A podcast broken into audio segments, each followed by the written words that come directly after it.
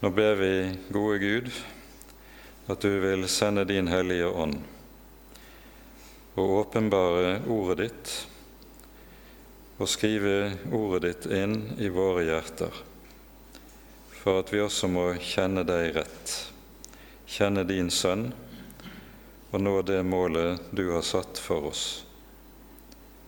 Herre, forbarm deg over oss. Amen.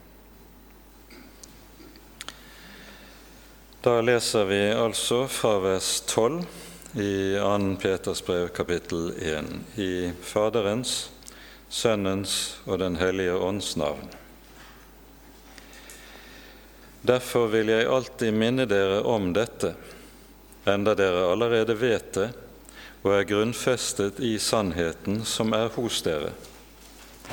Men jeg mener det er riktig, så lenge jeg er i denne hytte, å vekke dere ved påminnelse jeg vet jo at min hytte brått skal legges ned, som også vår Herre Jesus Kristus varslet meg.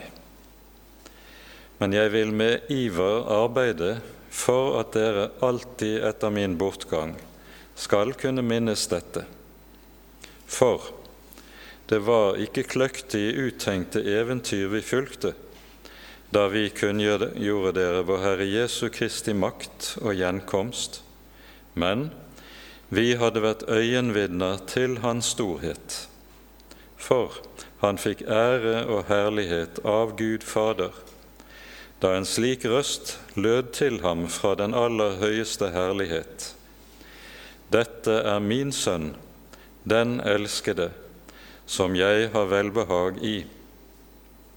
Og denne røst hørte vi lyde fra himmelen da vi var sammen med ham på det hellige fjell og desto fastere har vi det profetiske ord, som dere gjør vel i å akte på. Det er som en lampe som lyser på et mørkt sted inntil dagen lyser frem, og morgenstjernen går opp i deres hjerter. For dere vet først og fremst dette, at ikke noe profetord i Skriften er gitt til egen tydning for aldri er noe profetord brakt frem ved menneskers vilje, men de hellige Guds menn talte, drevet av Den hellige ånd. Amen.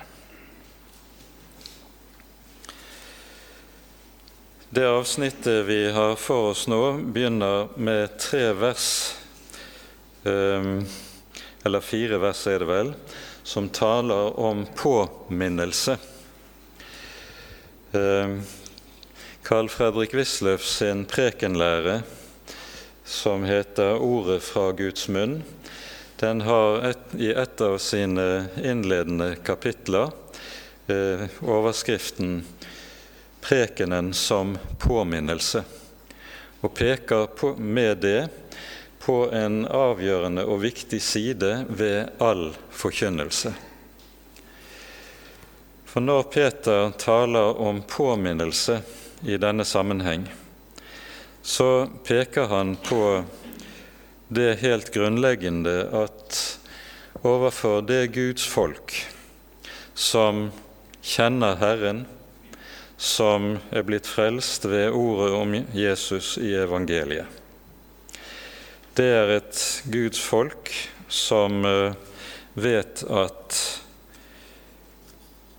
nyheter det er, kan være noe som er ganske problematisk i forkynnelsen. Eh, Judas brev er et brev som på mange måter er parallelt til eh, 2. Peters brev, og det gjelder særlig kapittel 2 i 2. Peters brev.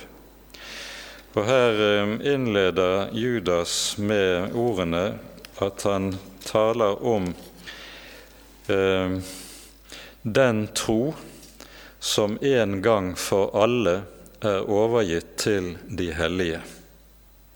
En gang for alle. Og Derfor så er det at Peter også taler om noe av sitt hovedkall. Det handler om påminnelse.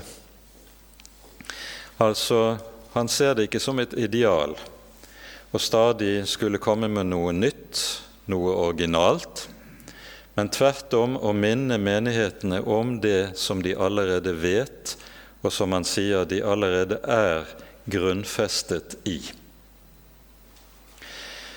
Og Ser du etter i Det nye testamentet, så vil du se at nettopp det å minne, påminne, det er en viktig side i, flere, i flere sammenhenger.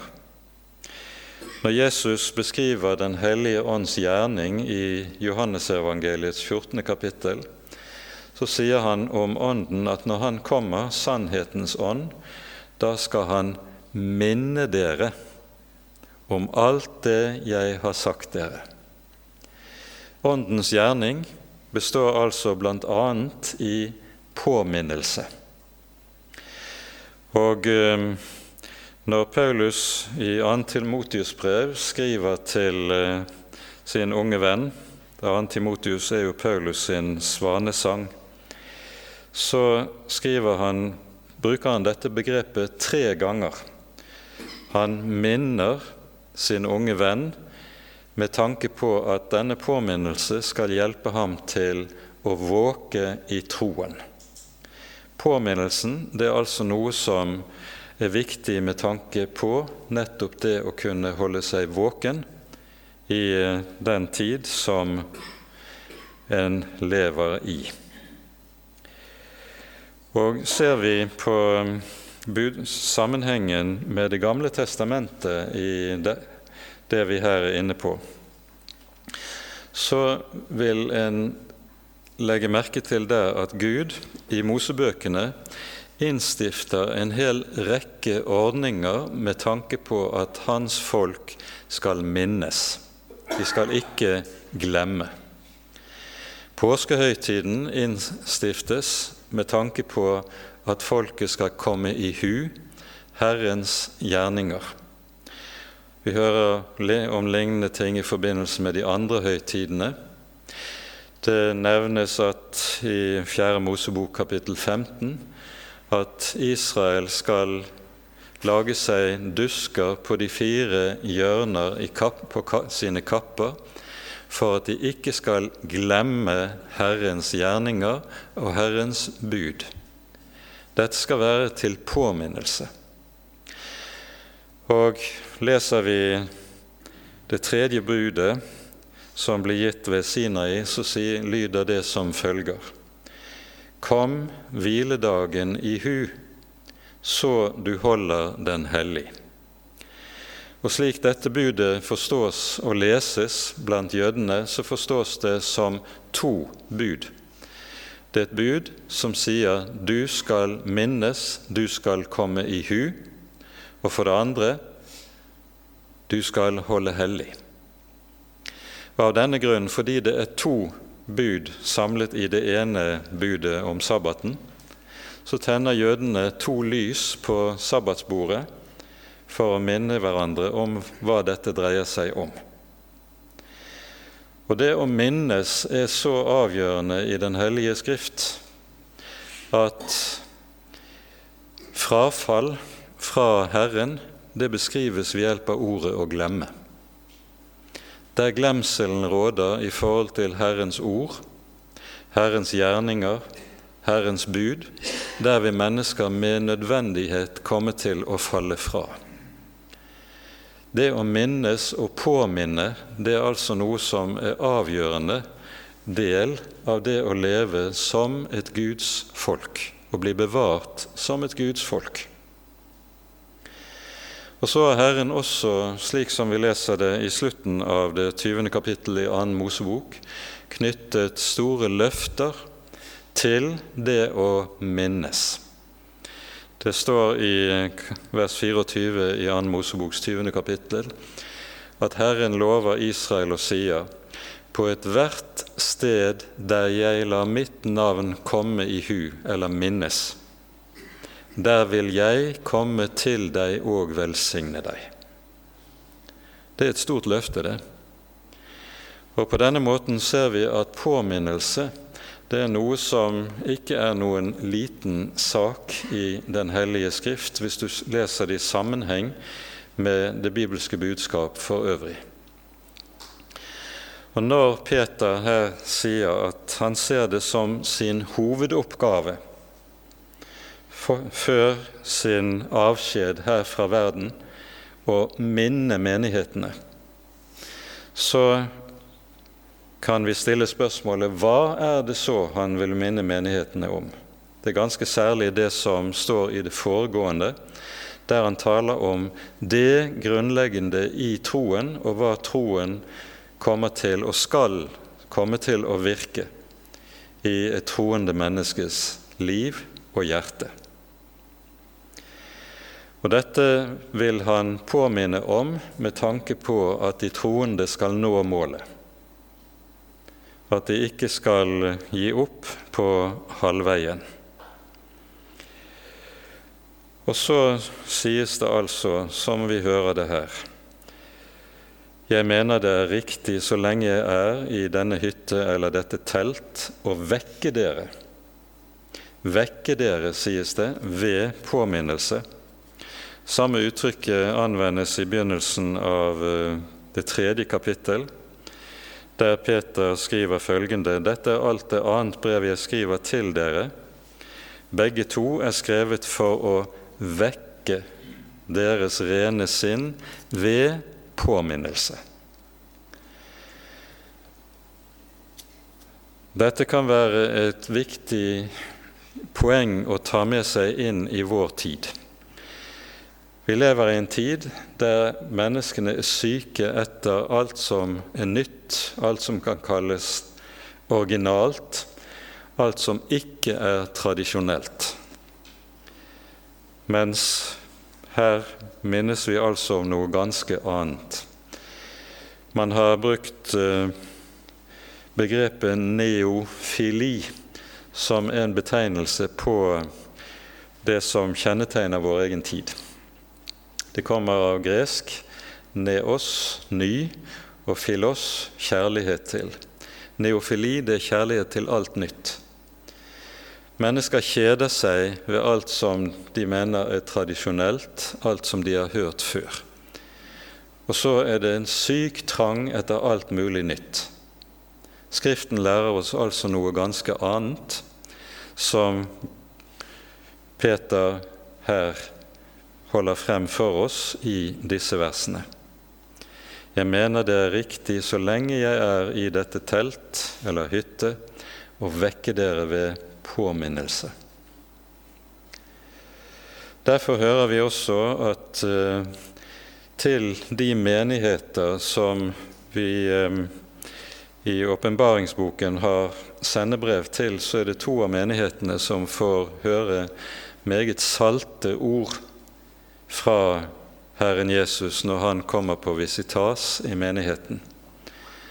Og så er det at det som blir det avgjørende ordet til omvendelse til disse menighetene, det er et ord der Herren sier 'Kom i hu hva du har falt ifra'.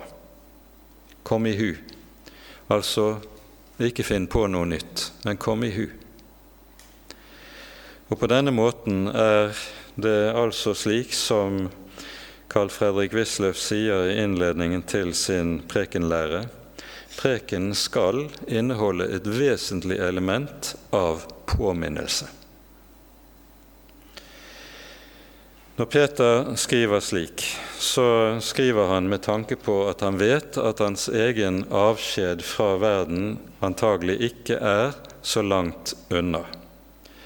Han eh, sier i vers 14.: Jeg vet jo at min hytte brått skal legges ned, slik også var Herre Jesus varslet meg. I eh, avslutningen av Johannesevangeliet så hører vi at Jesus nettopp varsler Peter om at når han er blitt gammel, så ligger martyriet foran ham. Når Peter skriver dette brevet, er han sannsynligvis i Roma og den forfølgelsen som brøt ut under keiser Nero, ligger sannsynligvis like forut, eh, kanskje ikke så veldig langt frem i tid, etter at Peter har skrevet dette brevet. Og Her er det da at Peter kommer til å lide martyrdøden under keiser Nero. Så sier, sier, han videre i det 15. verset.: Jeg vil med iver arbeide for at dere alltid etter min bortgang skal kunne minnes dette. Den iver Peter her understreker, at dette er noe som er så maktpåliggende for ham, det nedfelles i at det apostoliske budskap nedskrives. Det var jo slik at, som vi ser det i evangeliene evangeliene, Apostlene skriver ingenting i Jesu levetid. Det er først et stykke tid etter Jesu himmelfart det er først et stykke tid etter pinsedagen at evangeliene og det apostoliske budskap nedskrives. Men det er helt avgjørende for at budskapet skal bevares, nettopp at det skrives. Og eh, det er dette antagelig Peter sikter til når han taler om hvor maktpåliggende det er for ham at dette ikke skal gå i glemmeboken. Og etter den oldkirkelige tradisjonen er det jo da Peter som står bak formuleringen av, eller utformingen av, Markus-evangeliet. Markus var, slik den kirkelige tradisjonen forteller det, tolk for Peter når han var i Romer, fordi Peter var ikke helt stødig i latin. Og eh, så er det da Markus som antagelig, etter Peters diktat, skriver ned Markus evangeliet. Og slik er det Peter altså har gjort seg flid. Han har dette som har ligget ham meget på hjertet, det blir nedfelt i evangeliet. Og så er det at vi kommer til det som lyder videre for oss fra vers 16 av, der Peter minner om det som fortelles i både Matteus, Markus og Lukasevangeliet, nemlig når, om hvorledes Jesus forklares på berget. Vi hører om dette i um, Matteus 17, i Lukas 9 og også hos Markus uh, i det syvende kapittel, hvis jeg husker rett. Um, og det som uh, Peter kanskje her særlig har i tanke, det er noe som først og fremst Lukas har fått med seg i sitt, sin beretning om forklarelsen på berget. Vi leser vers 16 18. Det var ikke kløktig uttenkte eventyr vi fulgte, da vi kunngjorde dere vår Herre Jesu Kristi makt og gjenkomst.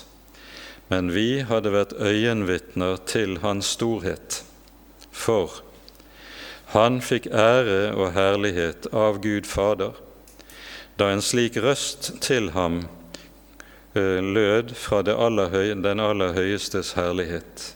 Dette er min sønn, den elskede, som jeg har velbehag i. Og denne røst hørte vi lyde fra himmelen da vi var sammen med ham på det hellige fjell.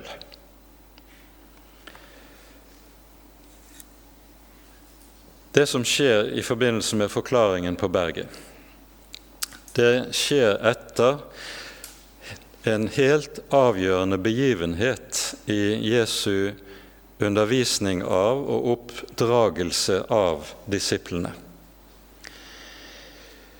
Motstanden mot Jesus og hans virke det har etter hvert vokst seg sterk også i Galilea. Noe som medfører at Jesus drar seg unna folkemengdene eh, og går omkring i grenseområdene opp mot det som er dagens Libanon. Og eh, da vil han ha mulighet til å være i fred med sine disipler og kunne undervise dem i ro uten alt dette som meldte seg fra folket. Og Her er det at Jesus spør disiplene hvem sier folk at jeg er. Og Peter avlegger sin bekjennelse på disiplenes vegne. Du er Messias, den levende Guds sønn. Og så får han til svar fra Jesus.: Salig er du, Simon, Jonas' sønn. For dette har ikke kjøtt og blod åpenbart deg, men min Far i himmelen. Og jeg vil gi deg himmelrikets nøkler. Et fantastisk løfte og tilsigelse Peter får fra Herren Jesus. Og så kommer det i fortsettelsen fra den tid av.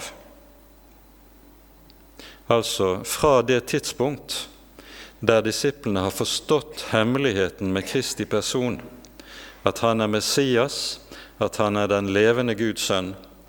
Fra dette tidspunkt er det at Jesus begynner å undervise dem om korset.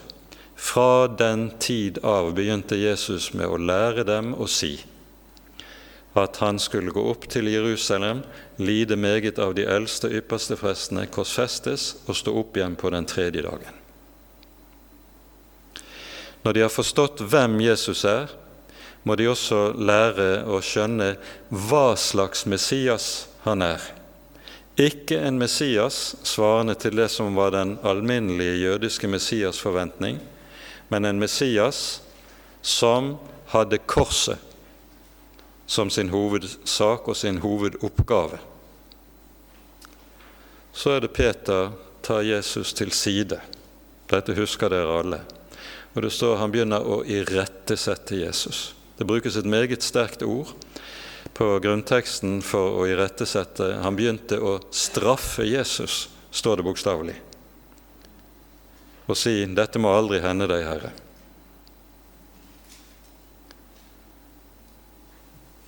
Og så er det at Peter får høre de skarpeste ordene fra Jesu munn som lyder i evangeliene. Vik bak meg, Satan. For du har ikke sans for det som hører Gud til, bare for det som hører mennesker til. Det som ytrer seg i Peters irettesettelse av sin Herre, det er to ting. For det første anstøtet mot korset. Korsets anstøt er noe som Skriften lærer oss er helt sentralt i det falne menneskets fiendskap mot Gud. Paulus taler mer utfyllende om dette i det første kapittelet i første Korinterbrev. Vi behøver ikke å tale meget om det, men Paulus peker her på hvorledes ordet om korset er en dårskap for dem som går fortapt.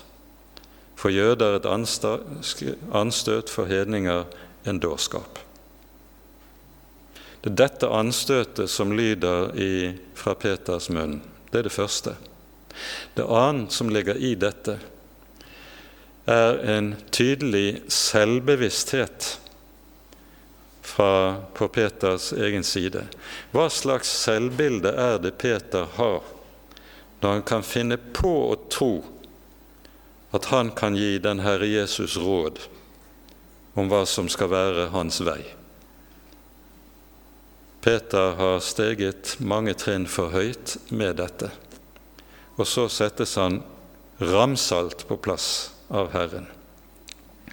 Du skal merke deg for, for øvrig at slik Jesus ordlegger seg her, så ordlegger Jesus seg ikke på samme måten som han gjorde overfor djevelen i forbindelse med fristelsen i ørkenen. Der sier jo Jesus til Satan etter den siste fristelsen, 'Vik fra meg, Satan'.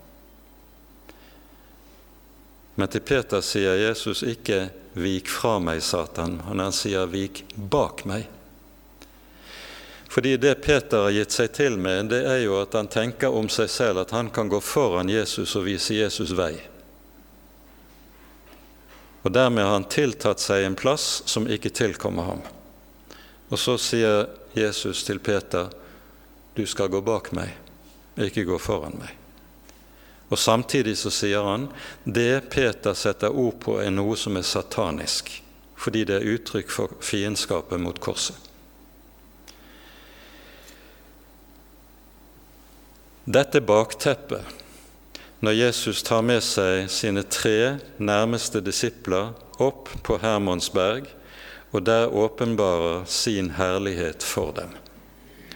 Og Det som er avgjørende med forklarelsen på berget, er at Jesu undervisning om korset har antagelig kastet disiplene ut i dyp forvirring fordi dette er stikk i strid med alt hva de har trodd og tenkt om den lovede Messias.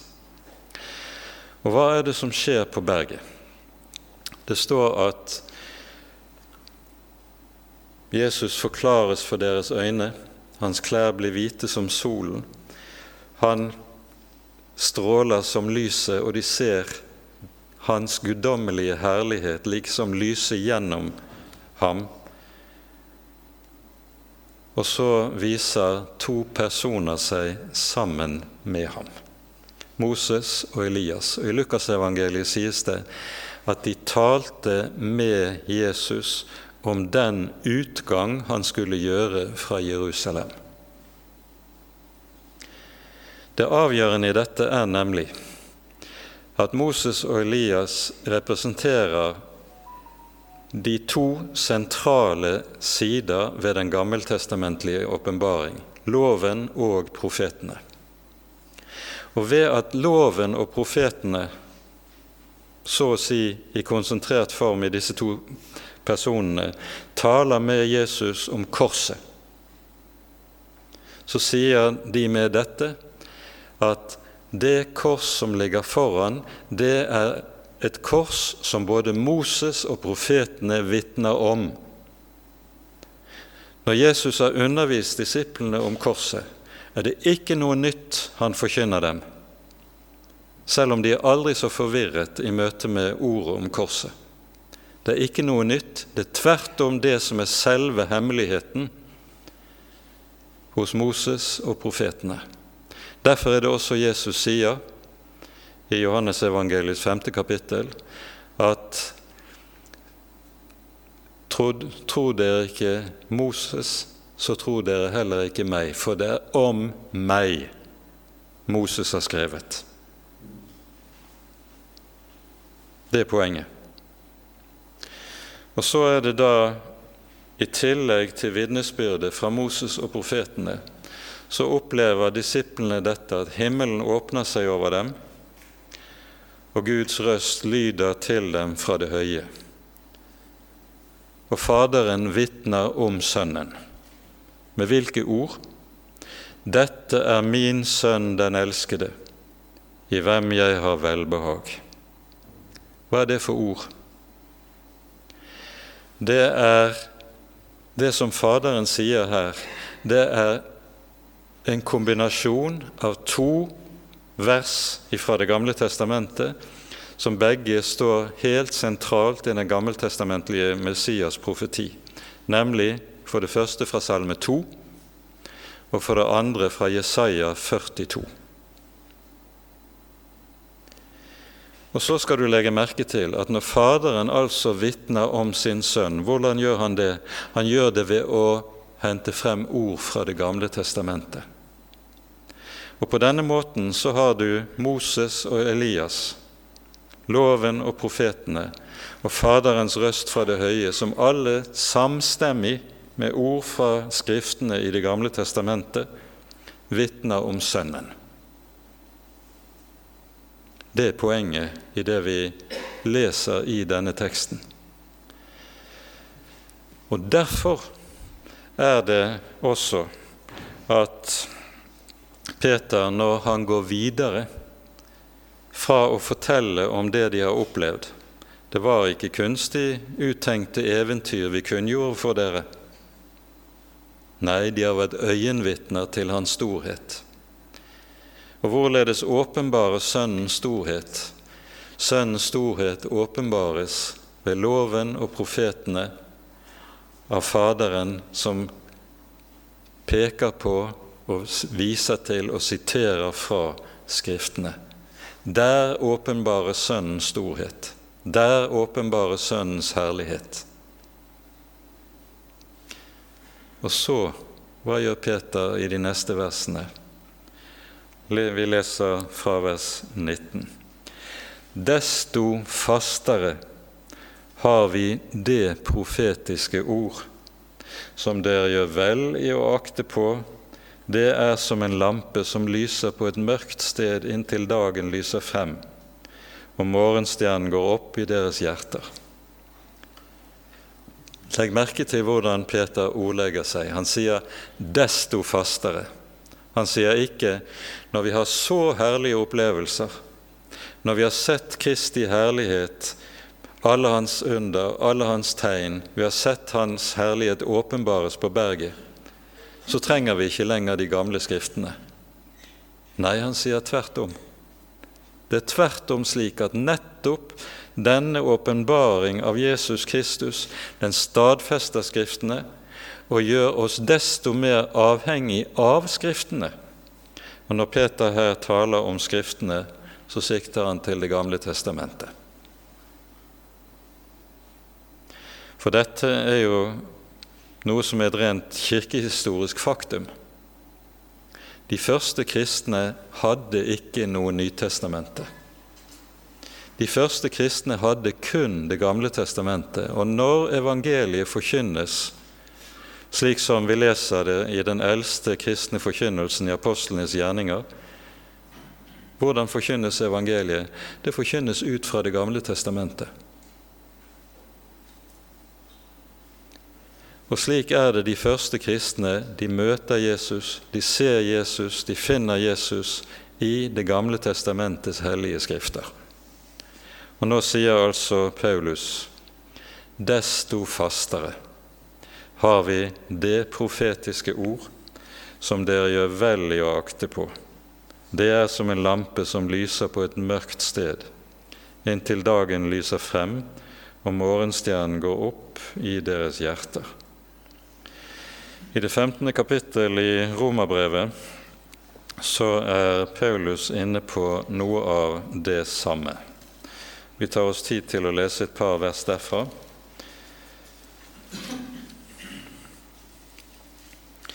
Her skriver Paulus først fra vers 4. Alt som før er skrevet, altså i Det gamle testamentet, alt som før er skrevet, det er skrevet til lærdom for oss, for at vi skal ha håp ved det tålmod som Skriftene ved det tålmod og den trøst som Skriftene gir. Må så tålmodets og trøstens Gud gi dere hver ett sin innbyrdes etter Jesu Kristi forbilde, for at dere samstemmig og med én munn kan prise Gud, vår Herres Jesu Kristi Far.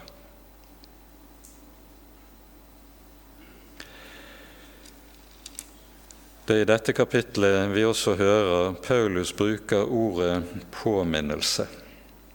I det 14. verset i samme kapittel skriver Paulus slik.: Mine brødre, for min del er jeg overbevist om at dere selv er fulle av godhet, fylt med all kunnskap og i stand til å formane hverandre.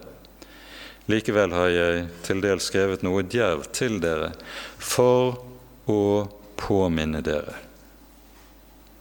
ved den nåde som er meg gitt av Gud.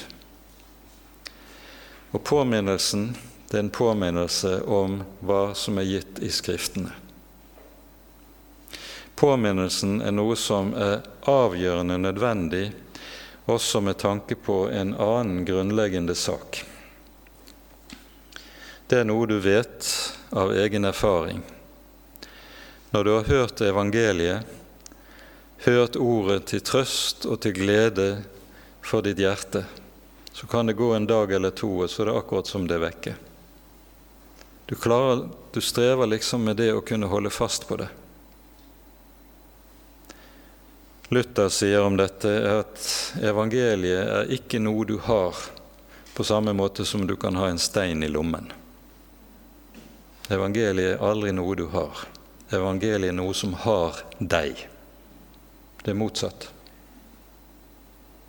Og Derfor er evangeliet noe som må gis oss om igjen og om igjen, nettopp gjennom påminnelse.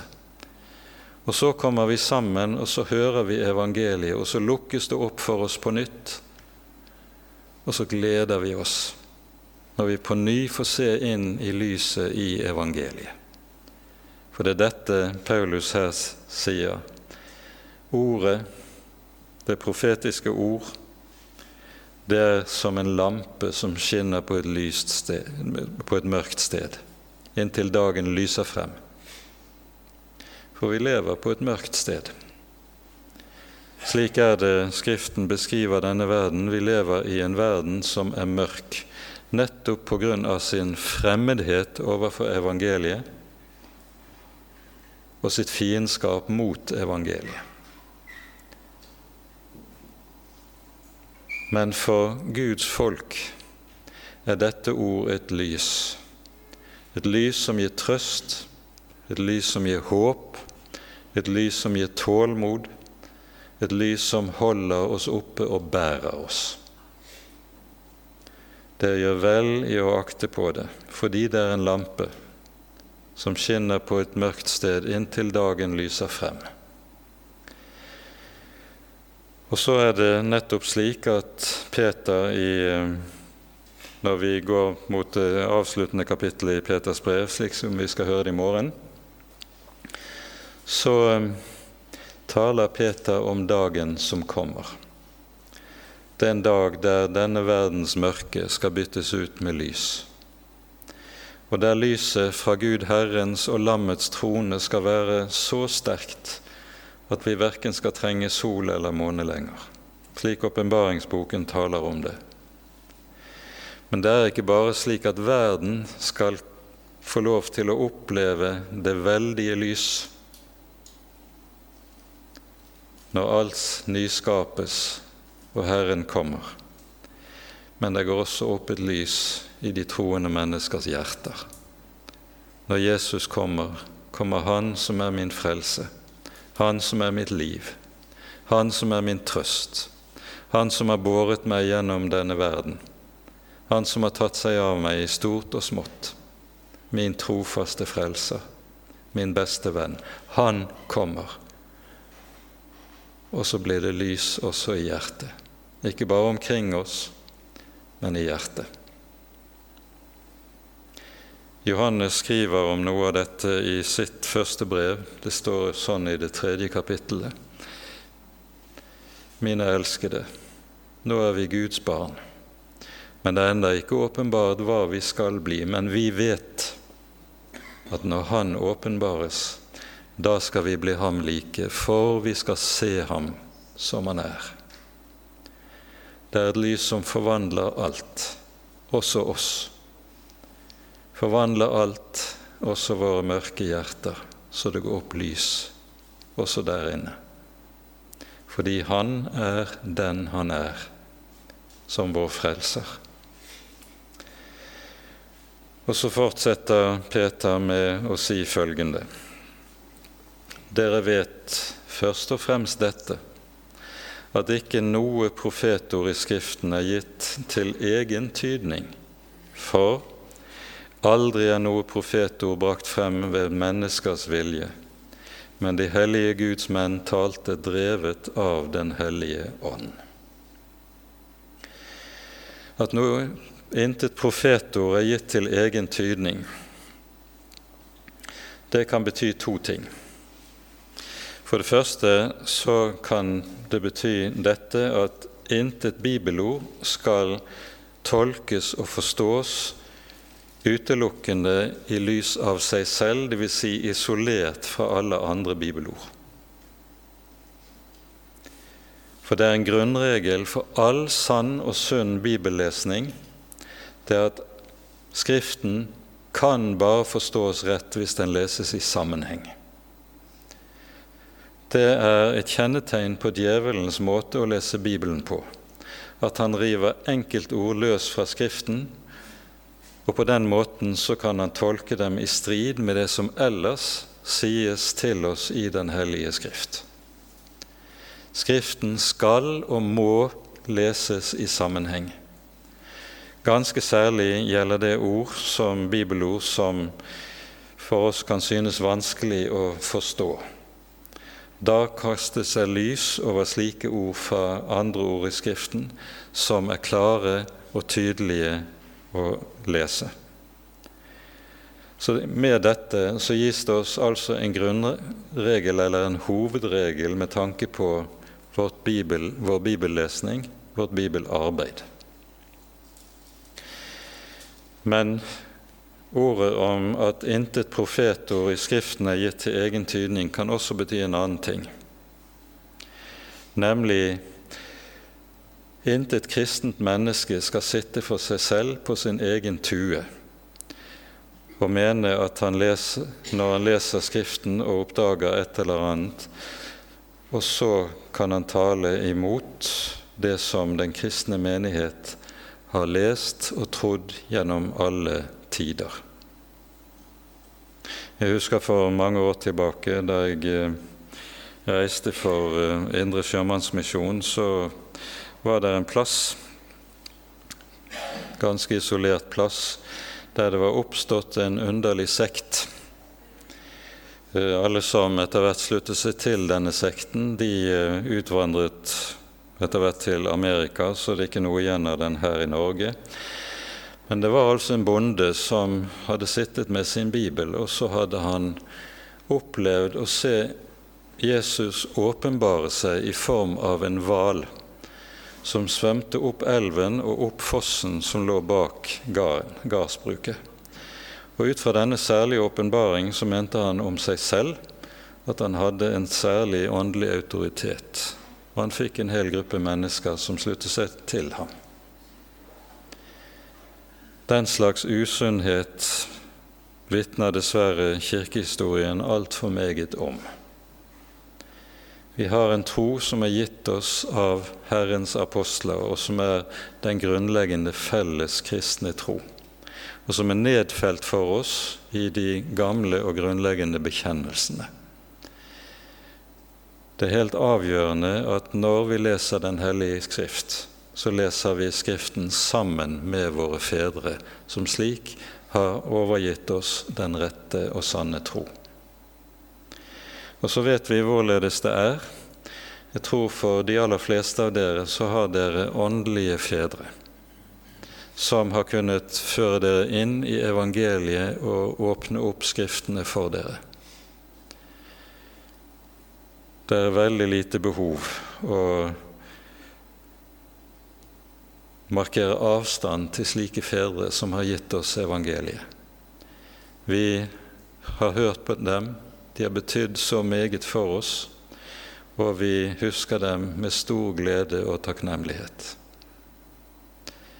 På denne måten så driver vi ikke med å lese Skriften etter eget hode og tyde det etter egen sans. Vi leser Skriften sammen med våre åndelige fedre, de som delte dens ene og sanne tro. Men dette begrunnes så videre, slik som vi hører det i det siste verset. For, sies det, aldri er noe profetord brakt frem ved menneskers vilje, men de hellige Guds menn talte, drevet av Den hellige ånd.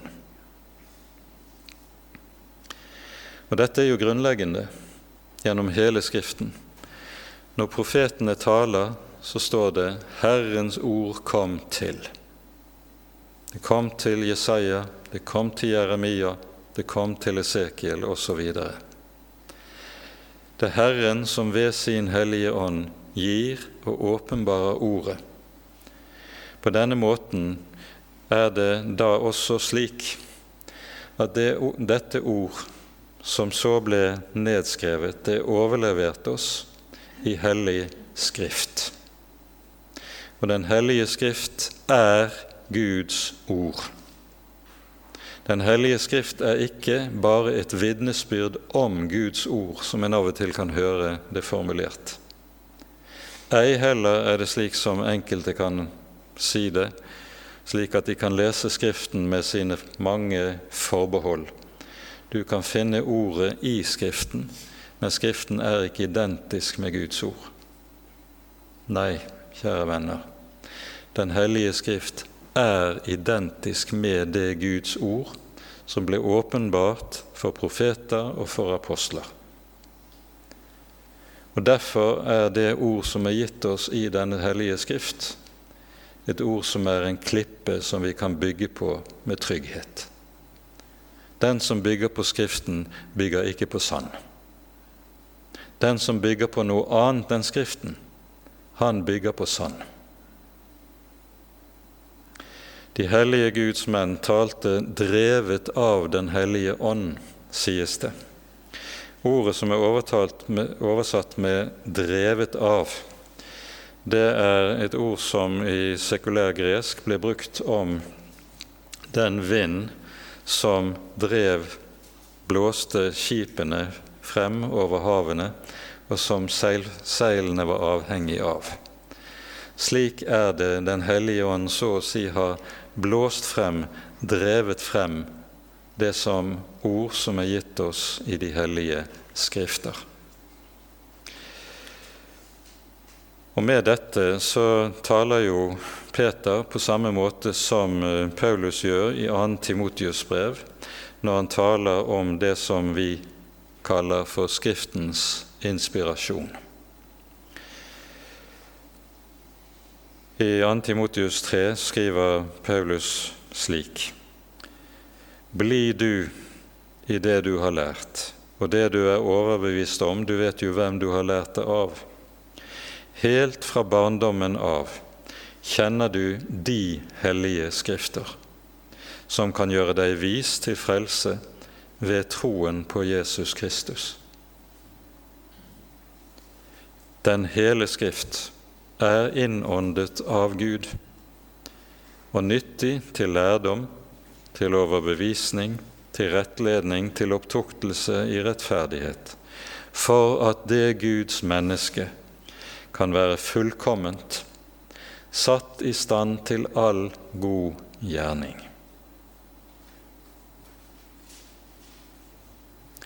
Når det sies at hele Skriften er innåndet av Gud, så brukes det et særegent uttrykk i grunnteksten 'Gud innåndet', står det bokstavelig. Det er et parallelluttrykk som Peter anvender når han taler om at de hellige Guds menn talte drevet. De var blåst, så å si, av Den hellige ånd. Hadde blåst ordet inn i dem. Slik at ordet som gis og nedskrives, er hellig skrift. Og Denne skrift skiller seg fra alle andre ord på det vis at Guds ord er et levende ord og et virkekraftig ord. Derfor står det at Skriften er nyttig til lærdom, overbevisning, rettledning og opptuktelse i rettferdighet. Guds ord er ikke et ord som bare inneholder informasjon. Informasjon som du, eh, det så er opp til deg å virkeliggjøre. Guds ord er i seg selv virkekraftig, fordi ordet er bærer av Den hellige ånd.